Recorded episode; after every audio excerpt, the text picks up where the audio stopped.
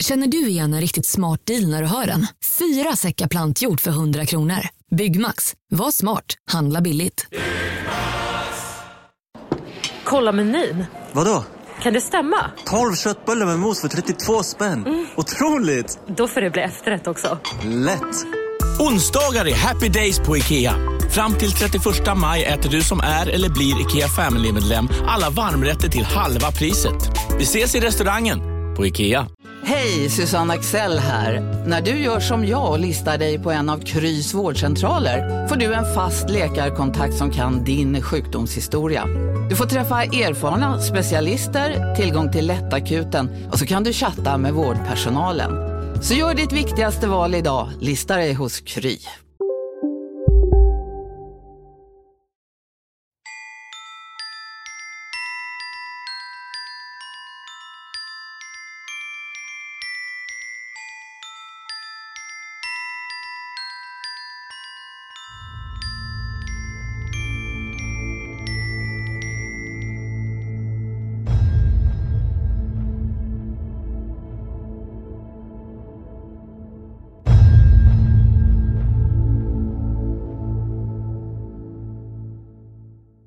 Fan Martin.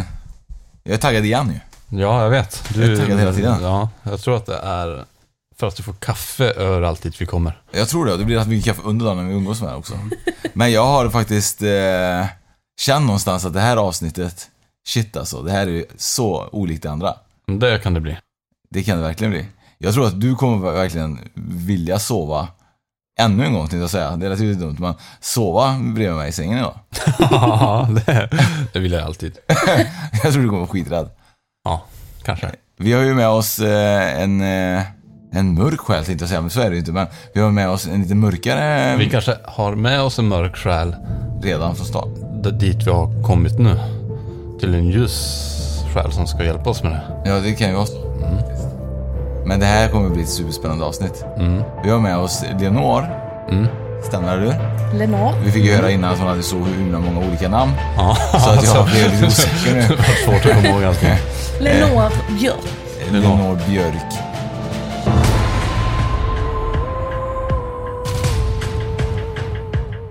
Eh, Leonor Björ- Björk från eh, Norra Björke. Just nu i alla fall. Just nu ja. ja. Eh, superspännande Leonor att du ville vara med. Ja, tack så mycket. Du får jättegärna- Superspännande att vara med. Ja, och du får jättegärna berätta lite grann om, eh, om hur du fick eh, lite uppsikt, eller vad man ska kalla för dina, din förmåga och när startade och hur gammal är du idag? Idag är jag 40.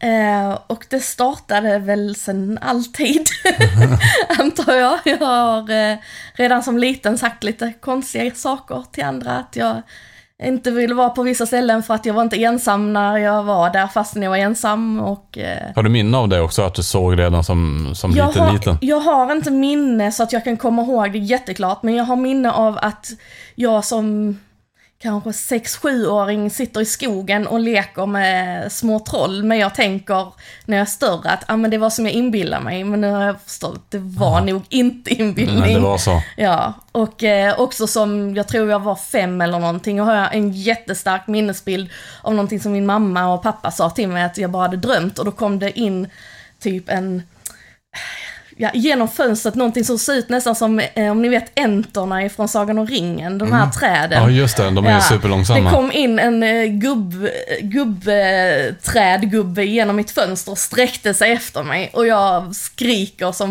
en galning och min Ja. mamma kommer dit och säger Du har bara drömt. Men det vet jag, redan då visste jag att det här var inte en dröm. Ja. Eh, Jag mm, tror nu att det förmodligen var en, eh, en träsjäl eller någon slags Mm. annat. Men eh, Var det väldigt, mör väldigt mörka grejer som du upplevde när du var liten? Eller var det även liksom ljusa saker? Nej, Som alltså då var det ju det här med trollen och det och så att jag då kände att jag inte var ensam på vissa ställen och så. Och sen så reflekterar jag nog inte speciellt mycket över det överhuvudtaget. Utan det var ju liksom bara, ja nej men det händer saker. Fast jag tror inte ens att jag tänkte på det för jag har ingen Inget minne av att jag har känt mig rädd eller att jag har sett någonting som var jätteotäckt eller så här. Mer än att jag kände mig lite så här till obehag på vissa ställen men inte att jag... Ingenting som jag kan komma ihåg. Däremot att jag har känt av vad andra folk har känt väldigt, väldigt länge. Eh, och varit väldigt påverkad av andras känslor. Det har jag haft med mig alltid, alltid. Men inte reflekterat över alls, för jag trodde att alla kände så. När, när började du fatta liksom att det var någonting annat liksom? Jag tror att när jag var runt... Då var, jag har alltid varit intresserad av det paranormala så här och, och mina föräldrar är väldigt öppna och håller lite på med det själva också. Och redan när jag var liksom liten så höll vi på med så här eh, slagrutor och pinnar och det var spännande och så. Eh, och, och då var man, jag tror inte jag tänkte så mycket över mer än att det var helt normalt då också. Och då tänkte man ju hela tiden att ja men man har, det finns änglar och det finns det här och det finns spöken och det var liksom så självklart. Så när man träffade någon som inte trodde på det så tänkte man oj, va? Så här. Ehm, men man pratade inte så mycket om det och jag gjorde liksom ingenting med det. Men sen när jag var runt 19 tror jag, då började jag mer och mer uppleva saker hemma. Där vi bodde då och blev väldigt, väldigt rädd. Och det var flera grejer på en gång där det var eh, förmodligen helt vanliga hemsökelser men jag blev jätterädd. Så då bara totalt stängde jag ner allt och ville inte känna någonting och liksom bara blockerade mig helt. Eh, och då var det nog mer den här empatiska delen som var väldigt stor hos mig och som liksom märktes. Eh, men det andra var inte så tydligt alls. Just. Så, ehm, Sen berättade du lite grann också att du har ju ett annat, ett annat intresse också. Ett lite mörkare intresse där du har, Mm. Ja. har varit intresserad av en viss typ av människor om jag säger så då. Ja, det, det handlar nog väldigt mycket om känslor för mig där också. För det Ja. handlar väldigt mycket om, ehm, ja, det handlar kriminalpsykologi kan man Ja. väl säga. Eh, För du, jag- du, varit intresserad av... ja, av mord och seriemördare och eh, så vidare. eh, och eh, också även ja, mycket mörka saker och sådär. Att man har liksom varit intresserad av det här då. Och jag var gottare väldigt länge. Och, Ja, just det. Ja, så jag har liksom varit väldigt, eh, väldigt inne på hela den mörka sidan utan att liksom vara aktiv i det. Jag har aldrig känt mig liksom lockad till att vara djävulsdyrkare eller någonting sånt här, utan det har jag liksom hållit mig ifrån, men jag har varit intresserad av de energierna och de grejerna och ja, liknande. När eh, fick du det, när var det, när kom första intresset att shit, det här är intressant, jag vill ta reda För jag, vi, kan ju prata rätt ut, alltså du, du har ju liksom en slags känsla för att försöka komma i kontakt med eh, bland annat seriemördare. Eh, och eh, vad, hur var det, alltså hur kände du liksom att eh, det här känns rätt eller det här kändes inte rätt men det känns spännande eller vad, vad var det som lockade liksom? Alltså, jag har ju bara läst om det här och det har varit intressant. Det har ju varit intressant precis som att titta på en skräckfilm, att man läste om det och det är ju tydligen väldigt vanligt bland kvinnor att de tycker om true crime, har det visat sig. Eh, och jag var väl typ en av dem som tyckte att det var jätteintressant och så här. Så att den här andliga aspekten med seriemördare, den har ju inte varit där överhuvudtaget från min sida.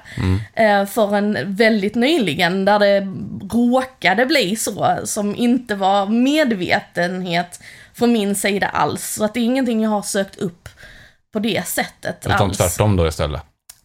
Det är de som sökte upp mig kan man Ja. väl säga. Att det är olika omständigheter som gjorde att det, det blev så. Hur känns det när man har en kontakt med en seriemördare? Vi kan gå in på, på mer detaljer sen, men hur känns det liksom?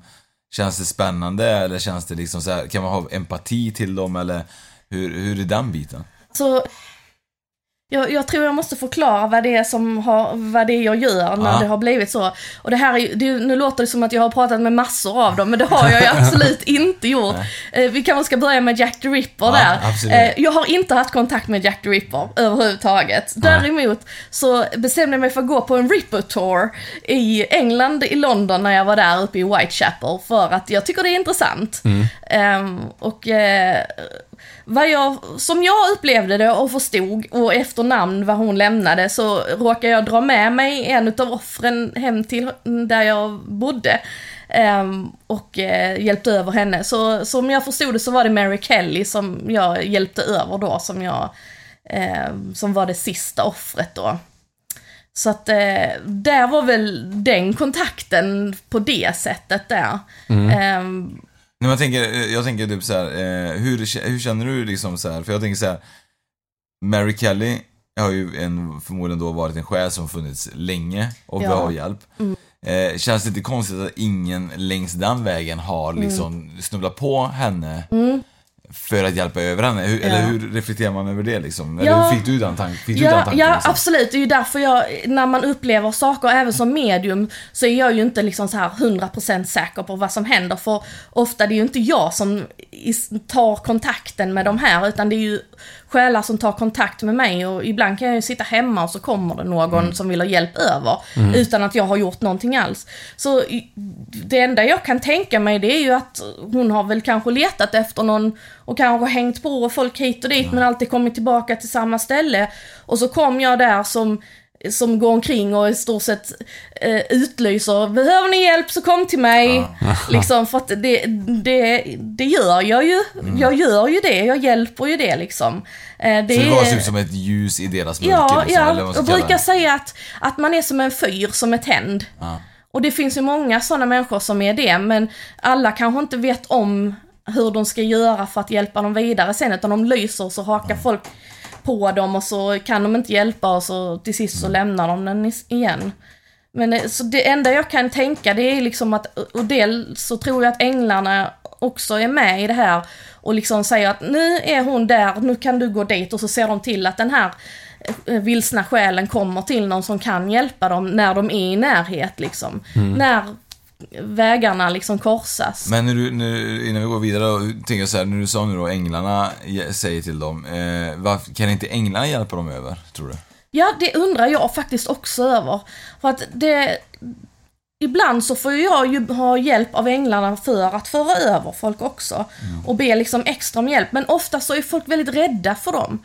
Och speciellt de som är lite äldre kan vara väldigt rädda, har jag upplevt själv i alla fall. Det här är ju som jag upplever, allting vi pratar om är hur jag upplever det. Eh, och att de kan bli rädda, de är rädda för att de ska gå till, åka till helvetet, eller de är rädda för vad som kommer, eller de är förvirrade och förstår inte. Och när de kanske inte, änglarna, jag vet inte om de inte får, eller om de inte kan interagera, eller om det är att de är på så olika vibrationer i energimässigt kanske. Jag, jag vet faktiskt inte riktigt vad det har att göra med, för att men änglar vibrerar ju en väldigt mycket högre energinivå än vad vi gör. Så att det kan ju mycket väl ha med det att göra. Jag vet inte faktiskt. Och det är viktigt att man säger det, att jag Ja. vet inte. Nej, nej, nej, jätteviktigt. Alltså, jag tror det är jättesvårt för er att veta också. Även om ni har svar på mycket grejer så har man inte svar på Mm. allt. Det, ju, det hade ju varit fantastiskt om man kunde ha det. Även i vanliga jordelivet så Ja. man skulle ha svar på alla frågor. Mm. Det kan jag. Jag brukar, jag brukar säga det att det enda jag säkert vet är att jag ingenting vet. det är skarpt. Det är så. Ja. Eh, du har ju även haft kontakt med en annan seriemördare och det är ju bland annat Ted Bundy. Ja. Eh, och det, det som vi vet, eh, av de som vet, är ju att Ted Bundy är en ganska kaxig personlighet från... från Va, vad gjorde, vem var Ted Bundy? Jag har lite dålig koll på han, förutom Ted namnet. Bundy var ju en person som hade familj och barn. Eh, vet inte om han hade barn. han hade familj, tjej hade han Han eh, hade barn som blev till i fängelset Så var det, ja. under... eh, Eh, ja, just det. Och då, var det. och då var han väldigt manipulativ person. Han var ju väldigt charmig och han var väldigt fantastisk människa utåt och folk tyckte verkligen mycket om honom. Men han hade väl en ganska mörk hemlighet eh, som han höll på med och han var väldigt smart. Eh, han rymde lite grann från fängelset och Ja. lite sådana grejer och eh, passade på och även gjorde mord. Eh, sista offret han tog tror jag var väl en ganska ung tjej. Ja, det var en 12-årig 12 år tjej. ja. Eh, och eh, mer än så eh, som jag kan komma ihåg av Ted Bundy kan jag inte förklara. Men du kanske kan förklara i alla fall. Vad, varför gjorde han det? Finns det något svar på det tror du? Eller finns det, vad vill han när han kontaktar dig? Det, ja, det är ju så här då att jag har ju... Eh, jag har haft en, eh, en eh, erfarenhet innan där jag hjälpte en person som... Eh, jag nämner inga namn här, men en, en person som som blev skickad till mig som visar sig att jag har ett tidigare liv förknippat med den här personen som hade begått väldigt, eh, väldigt hemska saker. Eh, och, som, och det här är någonting som jag inte heller förstår för att ofta när vi träffar själar så är det bara att hjälpa dem och så tar vi över dem. Men de här verkar fast. Det går inte det. Och en annan, ett annat medium i Florida som jag pratade med, hon beskrev detta som att vi måste vara lite psykologer innan de går över. De måste de- göra något vidare här för att... De, när de behöver prata om eller återuppleva eller någonting de behöver liksom ha förstått innan de kan gå vidare. Hon hade gjort det här flera gånger och jag tyckte då att det lät väldigt konstigt. Eh, och när den här blev skickad till mig förstod inte jag vad det var jag gjorde utan han bara var med mig, den här mannen. Eh, och rätt vad det var så hade han förändrats jättemycket och kunde gå över. Så du hjälpte... Då, Så då hjälpte jag honom över. Och sen var det så här att eh, just nu så är det 30 år sedan Ted Bundy blev avrättad. Okej. Eh, Så det har varit väldigt mycket på TV, det har varit poddar, det har varit på Netflix, det har varit jättemycket om honom. Så då satt jag och tittade på ett av de här programmen då, för att jag är intresserad. Ehm, och helt plötsligt så, någonstans läste jag om att eh, de hade hittat i, där han blev avrättad, i det här fängelset, då hade det, vissa av vakterna hade gått in på a smiling ghost, kallade de det för, och de trodde att det var Ted Bundy.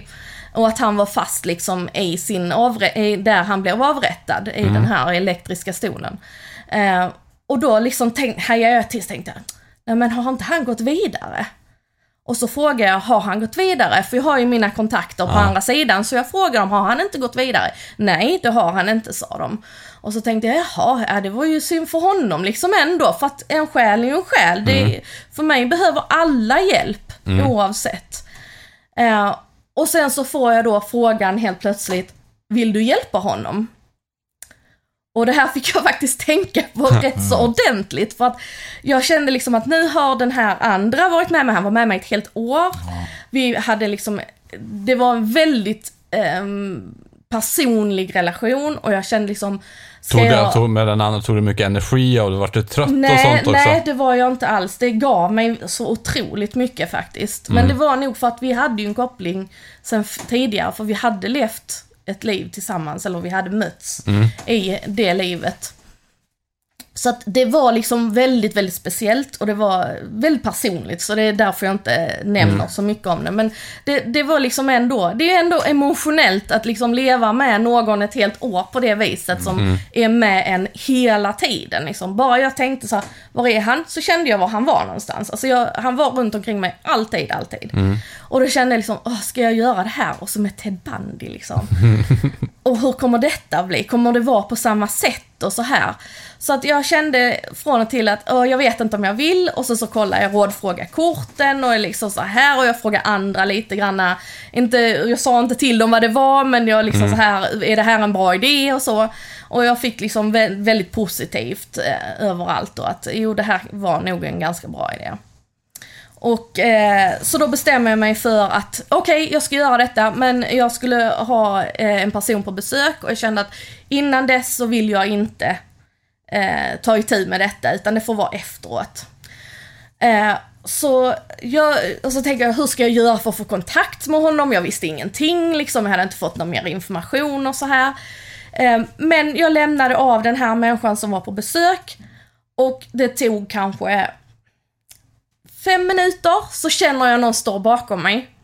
Och det är en läng- längre person än den här andra som har varit med mig. Eh, och jag känner bara ett enormt obehag. Jag blev skiträdd. uh, ursäkta uh, fult uttryck, men jag blev skiträdd. Och bara känner, vad är det här och var kom detta ifrån? För jag tänkte ju inte på att jag hade sagt att ja men det kan vara efter eh, hon har åkt hem den här då. Och bara känner liksom, åh, vad gör jag nu? Vad är detta? Och så bara frågar jag liksom änglarna, vem är detta? Och så bara hör jag liksom, det är Ted. Och bara, Okej, och så bara, okej det är Ted. Ja, han känns så här. Okej, och det här är hans energi, den här kommer han med. Ja, så då, då liksom börjar, då börjar den här rädslan att släppa lite. Så att då släppte den och eh, Först så var han bara med mig, sa inte så mycket så här och sen så började vi att prata lite. Och, men här, det är helt annorlunda än det andra. Det är otroligt stor skillnad. Det är inte samma energi överhuvudtaget. Han är han sa själv att han var ice cold son of a bitch och det kan jag hålla med om. Eh, och vi har haft våra små dunster emellanåt. Och, eh, men han är, han är här nu, han är med mig hela tiden. Jag vet inte hur lång Så tid vi har det med här oss Ted kommer- idag också. Ja. ja. Men, men känner du någonstans att eh, när man har med sig en sån eh, ice cold motherfucker, Mm. eh, känner du att han vill även dig ont eh, på riktigt egentligen kanske? Om han hade kunnat? Alltså jag har ju frågat honom. Nu är jag ju inte hans, eh, hans typ riktigt egentligen. För att han hade ju den här eh, väldigt eh, speciella grejen att det ska vara långhåriga, eh, brunhåriga eh, tjejer med bena i mitten som han gick igång på väldigt mycket. Ehm, det var inte bara så, säger han. Nej, det var det inte. Det, men för det mesta så var det. Men å andra sidan så var det en väldigt eh, utbredd stil under 70-talet också. För det här var ju eh, under 70-talet som dessa morden skedde. Ehm, men jag, jag kan säga att han har skrämt mig några gånger faktiskt. Eh, och det gjorde inte den förra. Och den förra kom med väldigt mycket kärlek till mig och väldigt mycket så här Även om han hade en empatistörning, om man kan säga så. Så var det ändå någon slags, vi hade någon slags grejer i den från början. Det har jag inte med Ted. Jag har inte levt ett tidigare liv med honom, även om jag är född efter eh, eh, han eh, kom in i, i fängelset. Men eh, det, det är liksom, det är annorlunda. Det är väldigt annorlunda. Tänk dig egentligen då, du som inte kanske känner till Ted, men jag som ändå har läst lite om Ted och kollat faktiskt på Netflix och så vidare. Att man tänker så här, att Ted är här, känns det här, helt plötsligt blir det så här, någonting som var så långt borta blir så nära. Och man börjar tänka, tänka tanken typ så här, undrar om han tittar på mig, eller på dig och tänker, de här gubbarna, de jävla motherfuckers, de är, de är inte, de är inte okej. Eh, För han, han, han utförde egentligen bara mord på kvinnor. Ja. Eh, finns det någon förklaring till, eh, som du har fått, eh, varför just kvinnor och varför just liksom bena? Var det bara liksom, var det någonting han gick igång på eller var det någonting som han, var det Alltså, sexuellt eller vad, vad ja, tror du? alltså för honom är det ju otroligt sexuellt. Det handlar ju... Men sex är ju inte sex, för det handlar egentligen, in, när man benar ner det, om vi ska köra rent psykologi. Och han själv var ju, hade ju läst psykologi också, så han kunde ju mycket om vad det var han höll på med på sätt och vis. Um, men det handlar ju om en makt. Mm. Maktkänslan Ja, liksom. ja. Och vad tror du att han, hur lång process behöver han för att han ska kunna ta sig vidare? ja, det är det jag inte vet. Och jag har till och med liksom under tidens gång, nu, nu har han inte varit hos mig så jättelänge än så länge och, och bara att prata om det här gör ju att jag känner liksom, åh gud jag är galen. Men eh, jag har ju fått bekräftat från andra, Ylva bland annat och eh, att eh, nej, men det stämmer, det här du upplever, det, det är liksom rätt och så här. Men eh, jag, jag vet faktiskt inte hur lång tid det kommer att ta. Du, kan, du, ja, kan du liksom såhär, kan du på något sätt liksom typ så här avsluta honom när du vill? Eller måste du göra det här? Alltså man måste ingenting. Det måste man aldrig. Men jag personligen känner att jag ska, det är meningen att jag ska hjälpa honom. Eh, Jag känner ju på, jag har ju empati för honom, även om han, han gjorde hemska saker så är han ändå en vilsen själ. Han sitter ju fast här, han behöver hjälp precis lika mycket som alla andra. Så att för mig så handlar det ju om att mörk energi ska bort härifrån, för han har ju mörk energi med sig såklart på grund av vad han har gjort. Så det ska inte vara kvar här. Och han ska inte behöva vara kvar här för han behöver komma till andra sidan där han kan stå till svars för vad han har gjort och gå igenom det och sen komma ner som en ljusare själv i, i nytt. Men kommer han någon gång få komma till det eh, så kallade paradiset? Eller kommer han liksom bli så här, kommer han, eh, kanske därför inte han vill gå vidare, för han vet vad som väntar om man går någon annanstans? Eller vad, vad, kan, det, kan det vara så också? Alltså det kan ju mycket väl, det handlar säkert om rädslor att inte våga gå vidare. Ehm, som, eh, vi har, jag har ju pratat lite och frågat liksom honom om han tror på Gud och han säger att det gjorde han innan men inte nu längre. Eh, och att det kan finnas rädslor liksom där och, vi, och han var liksom beredd på att han skulle till helvetet men han kom ju inte dit. Även om han satt fast liksom på sitt avrättningsställe så kom han inte till helvetet ändå. Det insåg han redan då. Vissa som dör och fastnar, de är ju väldigt förvirrade, men det är inte han alls. Så att det, jag tror det är jätteolika som orsak till varför de inte går vidare. Som sagt var, jag förstår inte varför, varför vissa verkar behöva ha så kallad psykologhjälp eh, för att komma vidare. Det, det är liksom över min författningsmåga men det jag känner att jag kan göra, som jag upplever att jag gjorde med den andra, var att, att upp, de upplever vad jag känner, för de känner av mina känslor. Det har jag fått bekräftat väldigt mycket, att de känner av mina känslor och får känna någonting som de inte kunde känna när de levde. De, kun, de kunde inte känna empati, men de kan känna det genom mig och genom det så på något vis så mjuknar de upp. Som vi hade, det var en situation här nu för, förra veckan tror jag det var, där vi, man kan säga, hade någon slags bråk och jag blev rädd för honom och eh, jag känner liksom bara så här att vad ska jag göra nu? Ska jag dra mig ur? Men istället så valde jag att bara sätta mig ner och blunda och sen så såg jag framför mig hur jag höll om honom och att jag bara var jätteljus. Och att jag höll honom i det ljuset och först så kände jag att han ville inte. Och sen efter ett tag så lugnade han ner sig och sen så satt jag så ett bra tag och bara höll i honom liksom som, nästan som en mamma liksom Ja. och bara liksom höll i honom och bara liksom strålade ljus igenom honom och mig och liksom bara ljus, ljus, ljus, ljus och kärlek. Eh, och då lugnade han ner sig och sen har vi haft lite annorlunda efter det faktiskt. Har han eh, liksom, har du fått bekräftelse att han ångrar det han har gjort liksom? Eh, nej, det har jag inte fått. Och jag vet inte om det är det som är det viktiga heller faktiskt. Finns det någonting där han inte heller, alltså jag tänker, han har inte, du har inte tänkt liksom att han kanske liksom Går det liksom att få kontakt med hans offer samtidigt som han är här eller, eller finns det sådana liksom scenarion också som, som kan hända? Att Ja, offret kommer ja. och säger typ, kan du bara förmedla till honom att han är fucked up? Alltså som jag har sett det, för jag har tänkt lite det här, varför är det, är det de här männen som kommer till mig, inte offerna, varför är det inte de som får hjälp? Men jag antar att jag har någon slags medkänsla för jag förstår dem på något konstigt sätt och kan faktiskt förmedla den känslan. Det kunde jag ju säkert göra till offren också, för det är klart att jag tycker att det var jättehemska saker han gjorde och att det var liksom fruktansvärt, men Samtidigt så är det andra som kan ta hand om dem och många av dem har nog gått över också. Men han sitter kvar här och han behöver någon som fattar på något sätt. Så att jag, jag vet inte varför men på något vis så förstår jag de här, de här typerna. När du säger att du är rädd då, eh, i det bråket, vad, vad är du rädd för som skulle kunna hända? När man ändå liksom hamnar i en sån situation med en seriemördare från andra sidan liksom. Alltså jag, är, jag är inte rädd för att jag skulle kunna bli mördad, till exempel. För att det, dels så vet jag att jag har skydd eh, och jag har änglar som är här och de håller, eh, de kontrollerar hela tiden. Det jag, vet jag om. Eh, så för den orsaken så är jag inte rädd, men att man kan ändå bli skrämd, alltså man kan ändå bli rädd och tänka, vad är det jag har gett mig in på liksom?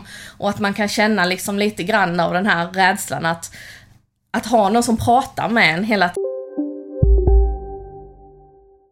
Hej, Synoptik här. Visste du att solens UV-strålar kan vara skadliga och åldra dina ögon i förtid? Kom in till oss så hjälper vi dig att hitta rätt solglasögon som skyddar dina ögon. Välkommen till Synoptik. Dåliga vibrationer är att skära av sig tummen i köket. Ja! Bra vibrationer är att du har en tumme till och kan scrolla vidare. Få bra vibrationer med Vimla. Mobiloperatören med Sveriges nöjdaste kunder enligt SKI. Upptäck hyllade XPeng G9 och P7 hos Bilia. Våra produktspecialister hjälper dig att hitta rätt modell för just dig. Boka din provkörning på bilia.se xpeng redan idag. Välkommen till Bilia, din specialist på XPeng. tiden. Eh, att man kan liksom ändå avskilja det som hans tankar och känslor och mina tankar och känslor. För att det är ju så att många utav vi medium, vi hör ju eh, det i vårt huvud, vi hör det ju inte fysiskt. Ehm, och då kan det ju vara väldigt svårt ibland att veta, är det han eller är det jag? Och det är där som det kan bli lite skrämmande. Så att, men jag är ganska säker på vem jag är och jag är ganska säker på vem, eh, vem han är. Men, men skulle han kunna få dig att göra saker som du inte hade velat? Skulle du kunna liksom så här, typ så här, eh, skulle han kunna förmedla en känsla som du känner, det här är inte jag, han kontrollerar mig just nu och bara, att du ballar ur till exempel? Nej, jag tror inte att de skulle tillåta det Nej. faktiskt. Ehm, utan det, där är skydd som är in. För det var någonting som jag pratade, eh, jag har, eh, som många andra också har, ärkeängeln Mikael med mig. Eh, och jag diskuterade detta väldigt ingående med honom innan jag valde att göra detta. Att ska jag göra detta då ska ni banne mig verkligen skydda mig och ta hand om mig och liksom se till så att allting är okej. Jag har också med mig ärkeängeln Mikael enligt uh, Ylva. Ja, och det är, det är väldigt många som har det och speciellt tror jag folk som jobbar med detta eh, har väldigt starka ärkeänglar med sig som kan hjälpa till och, och skydda och, och stötta och så. Men du sa att du blev skrämd. Har du blivit skrämd av sånt här mm, ja, innan också? Eller är det han den första som har gjort det? Så att det Nej, känns jag har ju liksom? blivit skrämd av betydligt värre saker Ja. än Ted Bundy. För det, Ehm, du pratade om det där eh, trädet då, men det kanske, var, att det, var, mm, det kanske inte var skrämmande mer än att du var liten och blev rädd. ja, blev rädd Mm. liksom, men som lite mer i, äh, vuxen eller? Ja, det var ju så att när jag väl började att öppna upp igen för min andlighet och ta tag i det här och liksom börja känna att jag behövde göra detta. Eh, Det var min farfar som kom till mig och började prata med mig och sa att nu är det dags, Mm. Lenore, att du sätter igång med det här. Och jag var väldigt motstridig. för, och i början tyckte att det här gör jag bara för mig själv. Jag la kort och liksom Ja. eh, började ta kontakt med änglar och, och så här. Och det var för min egen skull. Jag skulle Mm. inte göra någonting annat liksom så här. Och, och så vidare. Och då började någonting dyka upp hemma hos mig. Som var väldigt, väldigt obehagligt. Eh, Jag vaknade i natten och var, jag vaknade av att jag var skräckslagen. Mm. Eh, Och nu kom, kommer kanske folk tänka att ah, men det är sån här nattskräck. Mm. Men jag kan säga det att det här är inte nattskräck, det här är någonting helt annat. För att när man har suttit i två, tre timmar upp i sin säng och varit skräckslagen i tre timmar av att där står en mörk skepnad i ett rum och tittar på en och vill en illa och liksom vara precis Mm. och, och bara avger negativ energi fullkomligt. Det är inte nattskräck. Men var det någon som kom flera gånger och skrämde dig? De liksom? kom väldigt många gånger Ja. och det var, de kom alltid tre dagar i rad. Eh, Eller tre nätter i rad menar Ja. jag. Och de kom alltid vid tretiden. Det brukar vara mellan tre och fyra och ibland stannar de längre. Eh, och det var, jag bad änglarna om hjälp och de kunde inte ta bort dem, men de kunde stå emellan. Mm. Eh, Men det var väldigt obehagligt och jag upplevde ju senare att det här kom för att det ville att jag skulle gå på den mörka sidan, inte på den ljusa sidan. Mm. Som jag sedan valde då, jag hade ju valt det redan från början egentligen, men jag kände att det var någon som ville liksom få över mig och göra dumma saker och inte bra saker. Mm. Vet du, likvär, likvärdig situation eh, har jag fått berätta till mig av min mormor när vi var små. Eh, hon berättade när vi var vuxna, hon berättade inte det när vi var små då, för hon var rädd att vi skulle bli rädda då. Men då hade hon ju, då bodde jag, eh, bodde hon ju hemma hos oss då, mormor, och så sov jag och syrran i, i samma rum tror jag under en viss period. Och eh, då berättade hon att det fanns alltid någon, någon skepnad som stod vid garderoben och eh, tittade på, på henne och oss då. Och hon höll sig vaken på nätterna och eh, bara stirrade, så att inte den skulle skada. Och eh, hon berättade att någon gång så hade den eh, försökt eh, strypa henne. Eh, och hon kämpade emot och så, sen kom den inte tillbaka. Eh, vad kan det vara för skillnad? För jag, den tanken och, och så vidare, den, den dyk, dykt upp bland eh, de här grejerna vi gör. Eh, och så tänker jag så här, vad, vad kan det vara för, eh, för slags eh, väsen? Eller vad, vad, vad brukar det vara liksom? Alltså, nu vet jag inte exakt eh, hur det var, vad det var för någonting som var hos din Nej, mormor, men- bara röda ögon vet jag. Ja, alltså det låter ju som, nu, nu kommer jag säga det, uttrycka det som demoniskt, men då menar jag inte i bibel, kristen eh, kunskap, utan då, då menar jag det för att beskriva en demonisk energi, alltså det är en väldigt kraftfull negativ energi som är medveten. Så kan man väl säga det kanske. Eh, och då är det lätt att kalla det för demoniskt istället då, för att säga en stark negativ energi. För att det, det finns negativa energier som bara är energier och som är obehagliga och så här. Och sen finns det de som har medvetenhet. Det här är vad jag har upplevt. Många eh, kanske säger att det inte finns sådana, men jag har träffat på dem, så för mig finns de och med många andra. Eh, och de vill ju de vill ju inget bra alltså. De vill ju antingen att man själv ska göra någonting dumt och det här är också en teori jag har om att, att många av de här seriemördarna har träffat på någonting sånt här som har klistrat sig fast vid dem och som sen har fått dem att kanske inte göra det men att influera dem till att göra grejer som de sen gör frivilligt men som ändå har blivit influerade. Lite så är det väl i Amityville eh, Horror eh, Ja, i, idén, historien Mm. bakom Mm. att det skulle vara någonting som influ, influerat Mm. liksom, pappan i familjen att eh, utföra mordet på, på sin familj. Mm. Och att sen efteråt skulle det vara någon som har flyttat in och så har de varit ganska likvärdigt Mm. ute med, med det där. det var faktiskt sonen de, Ja, ja. som gjorde det. Ja, det var- The Feyo Family, ja. Mm. Eh, och det är ju lite läskigt att man kan på något sätt, för jag tänker ibland vet, om man tror att folk är psykopat och hör Mm. röster. Men tänk om de inte är psykopatiska, tänk om de verkligen hör röster från, från andra sidan som får dig till slut att tappa det liksom. Så jag tror ju att det är så här att det är ju någon, de människorna som har fått de här influenserna, det är ju någon som har varit mottaglig från första början eller blivit påverkad väldigt, väldigt tidigt. Som kanske har någon empatistörning eller någonting annat och eh, vissa schizofrena hör ju säkert röster som är helt och hållet sjukdomen men där kan vara saker som inte bara är sjukdomen Mm. som kan ju förvärra det. Och att de här mörka energierna letar sig gärna till de här människorna som är lite skadade eller som har andra problem och kan då influera liksom att ingen är född helt ond men du kan bli väldigt korrumperad. Ja. Och vi människor är nog ganska lätt korrumperade. Och har man då varit med om hemska saker i sin barndom så är det lättare att influera en sån människa då. Så att jag är helt övertygad om att där har varit mörka energier involverade i många mord och eh, hemska grejer. Sen att de inte har tagit över kroppen och gjort, alltså de, de, man kan inte skylla ifrån sig för vi har alltid ett fritt val i allting. Det är ingen ursäkt och det är inget att skylla på, men det har varit en påverkan. Du känns ju som Martin sa förut, du känns ju som en extrem ljus eh, själ. Eh, Mm. Och positiv och glad. Eh, det här drar ju verkligen inte ner din energi och positivitet eh, när du håller på med eh, den mörka sidan mer. Alltså, jag vet inte, på något vis så har jag någon sjuk fascination i det här. Det är liksom morbid fascination. det, det, det är intressant, alltså jag älskar psykologi, jag tycker det är jättespännande att, att läsa om sådana här saker och tänka på varför saker har gjort. Folk har gjort saker och, och eh, orsak och verkan och, och alltihopa och oftast är det ju ganska tydliga förklaringar till det som vi tycker är helt oförklarligt och där är, eh, ofta är det ju orsaker så bara för att vi normala människor inte tycker att det är en orsak så betyder inte det att det inte är en orsak för andra.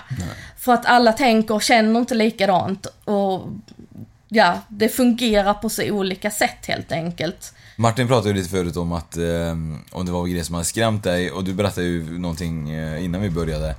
Eh, om eh, någonting du hade varit med om, någon hade dragit dig och det var en stor röd hand. Ja, det här var... Eh, periodvis så kommer där liksom folk på nätterna och är väldigt obehagliga. Eh, jag, ibland ser jag det som att de vill varna mig för att fortsätta detta jag håller på med, för att det är ju inte bra om vi ljusa själar jobbar, vi är ljuskrigare. Eh, och andra gånger så kan jag känna att de typ står och smygtittar på en, alltså att det är, de vill kolla in, vad håller hon på med nu? Eh, eller influera en på något vis. Jag vet inte riktigt vad det är de vill alltid, men att det händer ibland och även att de kommer in i ens drömmar. Och jag hade då en väldigt konstig dröm där jag var, det var totalt mörkt eh, och jag känner att någon kommer nerifrån mig och det är en jättestor röd hand med stora klor och den börjar och ska dra tag i min, min, mitt ben och eh, jag känner att det är någon ovanför mig också. Eh, men jag vet inte vem. Och rätt vad det var så vaknar jag av att jag fysiskt blir dragen från benet och ner ungefär ja, en halv meter mm i sängen och blir liksom dragen utanför sängen och vaknar med ett ryck och tänker vad sjutton var det här? Och känner mig lugn med en gång. Och kände då, lugn alltså. och ja, då var, för först blev jag ju liksom så här och sen och då bara kände jag och då bara hörde jag med en gång vi drog i dig istället så att du skulle vakna. Så att den här röda handen kom aldrig och fick tag i mig men jag tror att någon annan fick tag i mig som drog mig vaken. Mm. För att det... Kan vad man bli som- skadad i drömmen tror du? Jag vet inte. Jag vet faktiskt inte. Det är mycket saker som man tänker, nej. Och sen har jag blivit överbevisad om, jo. Så att jag låter det vara sagt vad jag sagt. Eh, Jag tror att man kan nog bli påverkad av saker, absolut, på olika sätt. Och jag har innan sagt det till folk som har varit rädda för att göra astralresor och sånt, att man sitter i ett gummiband, du kommer alltid tillbaka. Men frågan är vilket skick du kommer tillbaka har jag börjat Precis. förstå. För att jag, det har varit lite grejer jag har fått eh, höra sen som har inte blivit så bra. Och att det är nog inte så riskfritt som jag har liksom tänkt på något sätt. När jag säger den här astral projection, det handlar ju oftast om att eh, man har väl en slags silvertråd till sin kropp. Mm. Eh, och att man eh, måste egentligen eh, hitta tillbaka på något sätt för att man kan ju egentligen få något annat i kroppen ifall det bandet klipps. Ja, ja. Eh, och, och det är ju lite gre- grejer som, det är ju någonting som absolut vi måste diskutera i ett annat avsnitt tycker jag. Mm. Det låter ju superspännande än det jag säger själv, jag är ju så smart. Eh, men, men eh, Martin hade ju en dröm här, Eh, han tappade ju sin tumme. Ja, just det. Jag drömde om för två nätter sedan att, att jag tappade min tumme. Och han brukar ju aldrig drömma. Kan det betyda typ att han har smsat för mycket, tror du? Det kan, nu är jag ju absolut ingen drömtydare så jag vet inte. Det jag har kommit fram till däremot när det gäller drömmar och, och drömtydning det är att det är otroligt personligt. Mm. Så gå aldrig och läs sin bok. Det här betyder detta. För, för, för det mesta så gör det inte det för att det betyder någonting. Hur tolkar du det? Det är liksom det som gäller tror Mm. jag. Hur du tolkade det. Vaknade du, Tol- var du rädd när du tappade tummen? Ja, jag vaknade med obehag. Du har det? Ja. Ja, jag vill inte tappa min tumme. kan det vara att du kanske tappar, att du är rädd att tappa något annat kanske? Ja, så kan det vara. Ja. För jag trodde ju natt att min iPad gick sönder och så vaknade jag faktiskt med den här känslan av jag var jättesur för att min iPad gått sönder och tänkte såhär, fan jag orkar inte med den här jävla självförsäkringen och fanskap, jävla unge som har gjort sönder den och så vidare. Och så, och så tänkte jag så här, vaknade upp och då tänkte jag på första avsnittet vi gjorde med Diana. Mm. Och vad kände man när man vaknade? Och då var det den känslan jag hade var typ så här. Fan jag är eh, splittrad, var jag rädd att de att de skulle splittras, var jag rädd för någonting. Det, så här. Och då börjar man tänka i den banan. Mm. Mm. Och, och det är det som är så kul med, med den här andliga resan, som jag och du gör Martin. Mm. Att vi kan ju börja tänka på, i sådana banor. Vad fick du att känna när du satt på tummen? Vad kände jag när iPaden gick sönder? Eh, Ja, det är så. och så vidare. Eh, sen är jag lite djupare än dig Martin. Eh, du, du bor i de djupa skogarna i Norrland, men alltså jag eh, har lite djupare eh, kontakt med mina, in, mitt inre. Eh, men, men tror du att eh, vi vanliga, tänkte jag säga, men vi andra människor som inte har din förmåga kan någonstans eh, stöta på en seriemördare i hemmet? Ja, om han är i, i, i kött och blod kanske det kan hända. Men alltså, nej jag tror inte att någon bara seglar omkring sådär på det viset. Nu är det ju lite, alltså jag vet allting är väl möjligt antar jag på sätt och vis men... Men Ted Bundy vill inte följa med mig eller Martin? Nej, alltså jag, vad jag förstår nu så är han med mig nu. Nu är det Mm. liksom, nu är han till mig, med mig tills jag antingen säger nej tack eller så går han över på andra sidan helt enkelt. Säg inte nej Ehm, tack när vi är här nu bara Jag så ska vet. inte säga nej tack för jag har tagit på mig en uppgift Ja. och så är det liksom. Men står det i kö liksom? Står, står det typ så tio serier i kö och väntar på att du ska Alltså, liksom ta hand det var om ju det här jag har liksom tänkt, ska det bli fler nu? För jag känner liksom att, oh, jag vet inte om jag orkar detta, för det är ju ändå påfrestande Mm, alltså. Eh, och jag har ju andra sa- saker som egentligen är viktigare på sätt och vis. Eh, det här med att jag jobbar ju jättehårt för att ta bort mörka energier och nu har vi inte pratat så mycket om det men jag gör ju mycket husrensningar och Mm. speciellt med de här demoniska energierna och mitt samarbete lite med amerikanska spökjägare och så.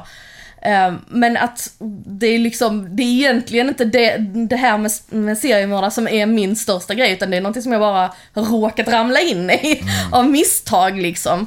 Ehm, Men jag har ju kollat lite grann och jag antar att eh, jag mycket väl skulle kunna få en till efter det här. Frågan är hur mycket man orkar. Jag tänker lite grann med spökjägare som du snackade om i USA och så vidare som du har varit i kontakt med. Eh, känns, det, känns det lite konstigt att eh, på något sätt ta bort de här energierna? För att jag menar, det är ju spökjägarna tycker det, det som de gör, de, de försöker ju leta efter de här grejerna. Och så kommer du där och bara, nej men vi tog bort de här nu. Och då bara, de bara fan vad besviken, jag har inget jobb här. är, är, du med? Jag tänker liksom såhär, Alltså vad- jag, jag kan ju säga att de jag har, har jobbat med, de har ju hört av sig för att de vill ha hjälp. Och ofta så har jag inte tagit bort det om inte de har bett om det. Eh, utan säga- jag, jag, jag bara säger liksom vad jag känner, känner in och så här. Och så pratar vi om det och så får de liksom information så de vet vad de ska leta efter. Men de flesta utav dem som jag har pratat med, de vill ju få bort det. De åker ju hem till folk som har problem och som har liksom det är inte så att de åker till, till ett eh, hotell som liksom tjänar pengar på det eller något, utan det här är privatpersoner som har bekymmer, som har problem och, och som har fått olika påhäng eller det har hänt olika saker och så här. Ehm, så att där är det ju inte alls på den nivån om man säger så. Eh, men man, jag ska väl säga så här att egentligen tycker jag väl att de som vill över ska få lov att få hjälp över. För jag menar det är ju typ som att hålla ett djur instängt i en bur på zoo som är en gånger en meter liksom. Men den ska vara så att vi alltid ska kunna se den. Det, det är inte schysst, det är inte etiskt rätt. Utan de behöver ju faktiskt hjälp egentligen.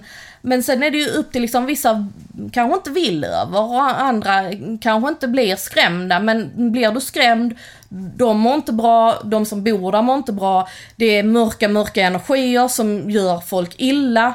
För att du kan ju bli väldigt, väldigt påverkad av de här väldigt mörka energier, energierna som kan göra en sjuk. Och må jättedåligt. Och jag menar det ska ju inte vara kvar. Nej. Har du andra, eh, andra energier, eh, negativa energier runt omkring även när han är här? Eller skrämmer han bort eh, alla andra energierna liksom? Har han typ den makten att säga bara du, fan, Ja. kom in i fel hus här, här är jag. Ja, här bor jag. Det Alltså, här är jag- min. Så, så som jag upplever det så är det precis som att han är på en annan eh, energinivå än det mesta andra. Jag tror att han är satt på något speciellt ställe så att jag kan ju liksom känna av lika mycket utav att det är folk runt omkring någon av er eller att det liksom är saker och spö, andra spöken i hus och alltså det, det har ingenting med honom att göra så att säga. Utan det, den energin, det, jag tror det är väldigt mycket lager på olika energier var, var de är. Så att det är ju precis som i ett hemsökt hus, det är inte nödvändigtvis att även om det är 20 spöken så kanske det inte är ett enda av dem som vet om den andra. Det måste inte vara så. Sen kanske alla 20 känner till varandra, det vet man inte. Men att det är precis som att det har någonting med lager att göra på något vis. Eller energinivåer. Jag vet inte hur jag ska förklara det. När du, känner, när du träffar människor, då, om vi tänker så här, om du, när träffar mig och Martin, känner du energier? Ser du någon demon hänga över oss? Eller ser du någon liksom så här, eh, det är intressant att veta liksom, ser man något sånt då? Liksom? Inga, inga demoner, men eh, när vi kom in genom dörren så blir jag, jag blir ofta väldigt yr när det är energi och så. Så jag kände att ni har väldigt starka energier med er. Ja. Och jag skulle nog väldigt mycket vilja säga att ni har faktiskt fler änglar med er på grund av att ni håller på med detta nu också.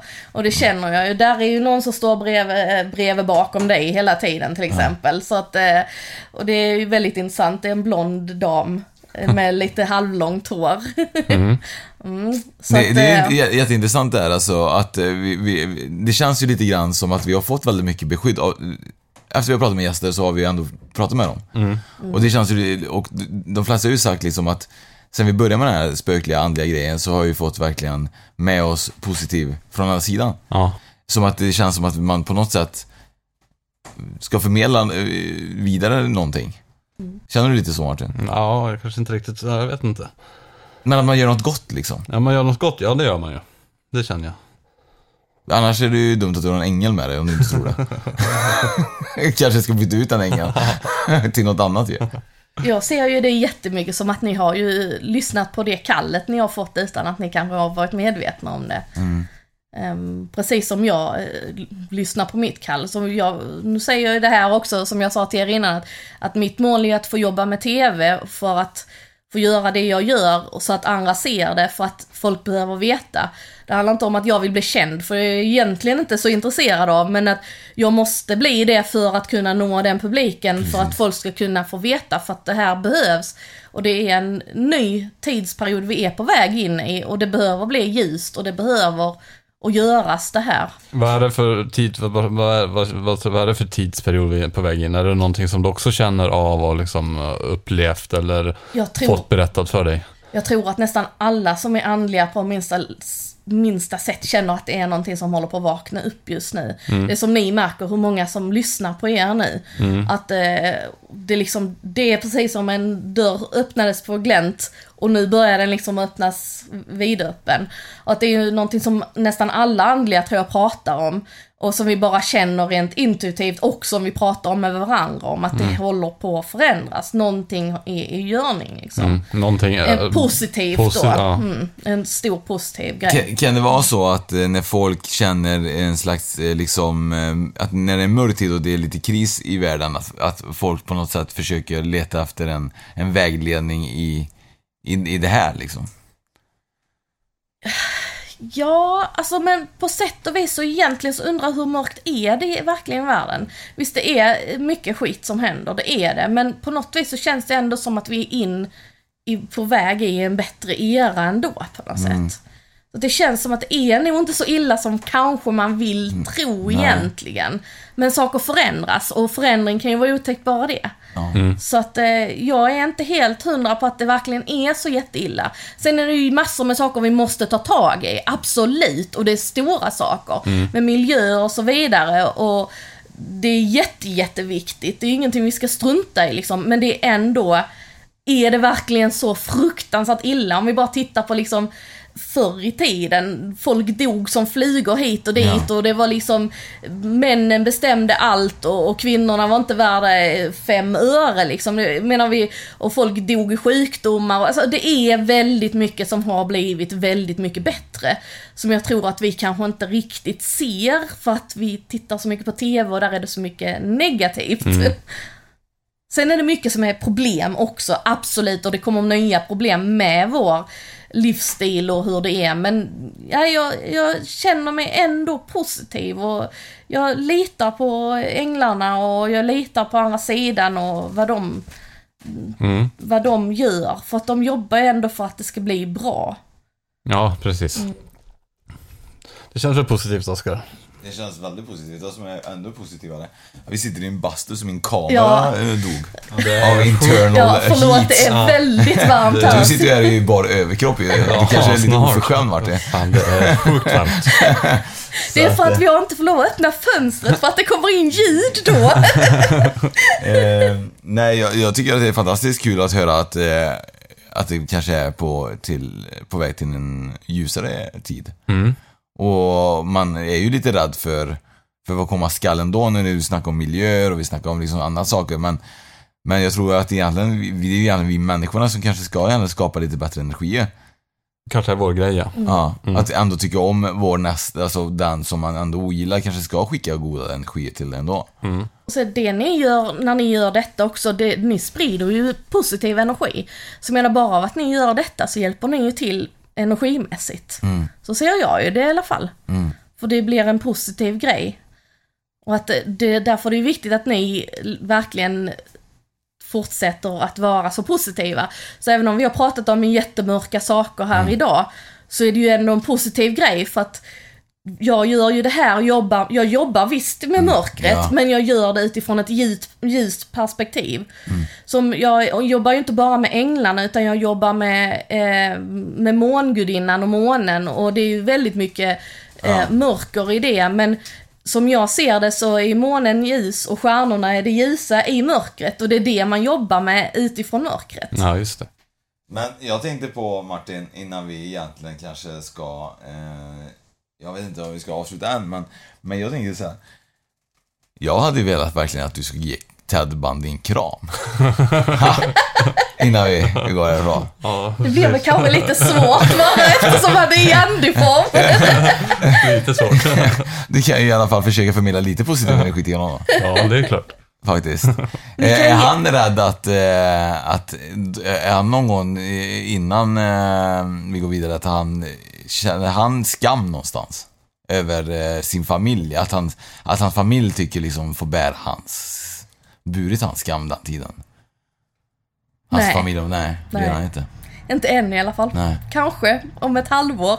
Jag vet inte.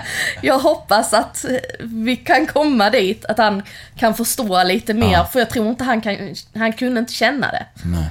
Men han kanske kommer att kunna göra det. Jag hoppas att det är det jag ska göra, att jag kan få honom att känna någonting han inte har känt innan. Och att det kan få honom att mjukna så att han kan gå vidare. För att det förtjänar han också, även om han har gjort hemska saker. Eh, Nella, Leonor, det var det ju. Eh, även kallad Nella, har jag förstått. Ja. Eh, nästa gång vi ser dig så kanske du har en annan seriemördare. Man vet aldrig. Och, och vill man eh, följa oss eh, på sociala medier så är det ju på, Spök, spokpodden.se på Instagram ja, och Spökpodden på YouTube. och spökpodden.se. Ja. Om man vill få lite annat eh, berättat, historier och Ja, lite hemsökta hus och lite allt saker. Eh, och eh, Nalla kommer vi absolut, Leonor, förlåt, kommer vi fortsätta träffa självklart och vi kommer ta reda på vad som hände med Ted Bundy. Mm. Det är ju verkligen en uppföljning på det. Det blir en uppföljning på. Det blir spännande. Ja, absolut. Eh, tack Leonor för att du ville vara med. Tack så mycket för att jag fick vara med, det var Självklart. väldigt roligt. Självklart. Tack.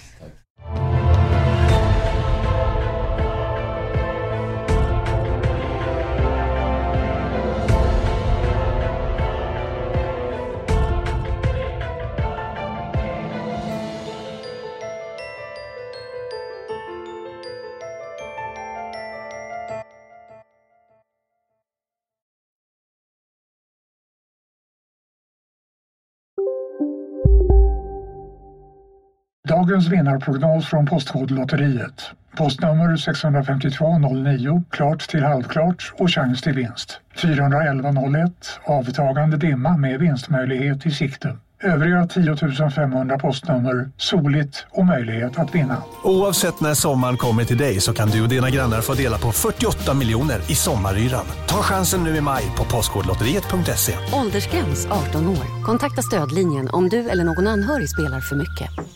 Ja, Hallå? Pizzeria Grandiosa? Jag vill ha en Grandiosa capriciosa och en pepperoni. haha, något mer? Med kaffefilter. Ja, Okej, ses samma.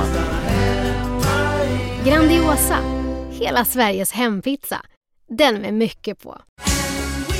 Just nu till alla hemmafixare som gillar julast låga priser. En slangvinda från Gardena på 20 meter för vattentäta 499 kronor. Inget kan stoppa dig nu.